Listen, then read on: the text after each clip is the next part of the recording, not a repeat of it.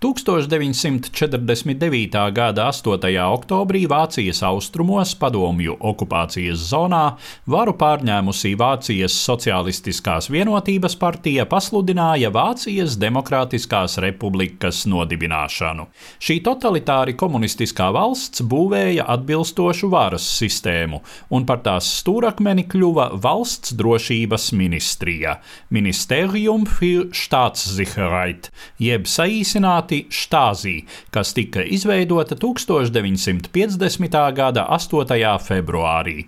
Par štāzī paraugu skolotāju un ciešāko sadarbības partneri kļuva Padomju Savienības valsts drošības dienests, bēdīgi slavenā valsts drošības komiteja, dēvēta arī tās vēsturiskajā nosaukumā par Čeku. Kopš 1957. gada štāzī vadīja Ērihs Mīlke, vācu kompartijas veterāns ar Staļina čekas rūdījumu. Visā 40 gadus ilgajā štāzī pastāvēšanas laikā abas represīvās organizācijas apmainījās ar pieredzi, kopīgi veica slepenās operācijas rietumos, nevien štāzī centrālajā aparātā, bet arī reģionālajās nodaļās pastāvīgi uzturējās VDK emisāri. Viens no šādiem tādiem rezidējošajiem bija arī toreizējais VDK majors Vladimirs Puķins, kurš no 1985. līdz 1990. gadam darbojās Dresdenē oficiāli gan skaitīdamies VDR un PSRS draudzības nama direktors. Dažā ziņā štāzī pat pārspēja savus padomju līdzbiedrus.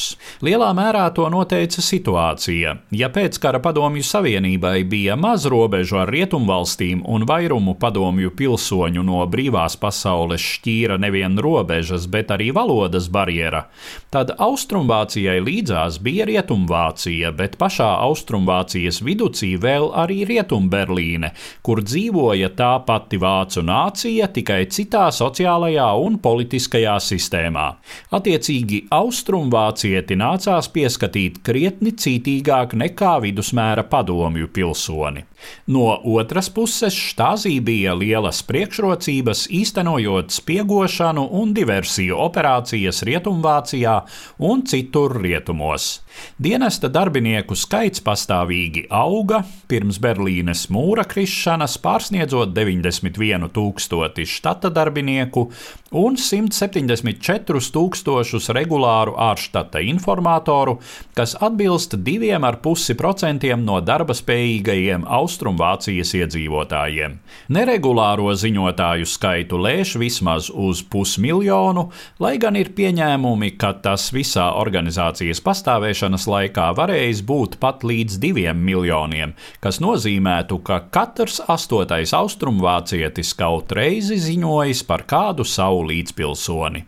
Zīmīgs ir stāsts, ar kuru 2014. gadā publiskā lekcijā dalījās Hohenšenfeldes štāzī cietuma muzeja direktors Huberts Knābe. Kā jauns rietumvācietis, viņš apmeties Rietumberlīnē, apmeklējis Austrumvāciju un kontaktējies ar disidentiem. Drīz viņam iznācis iepazīties arī ar štāzī virsnieku. Knābe izteicies, ka viņš jau nu gan atpazīšot aģentu, ja tādu viņam piesūtīšot. Uz to drošībnieks mierīgi atbildējis: Mēs nevienu nesūtīsim, mēs atradīsim vajadzīgos cilvēkus starp jūsu draugiem. Kā vēlāk atklājas Knābe, divi no viņa tuvākajiem draugiem tiešām ziņojuši štāzī.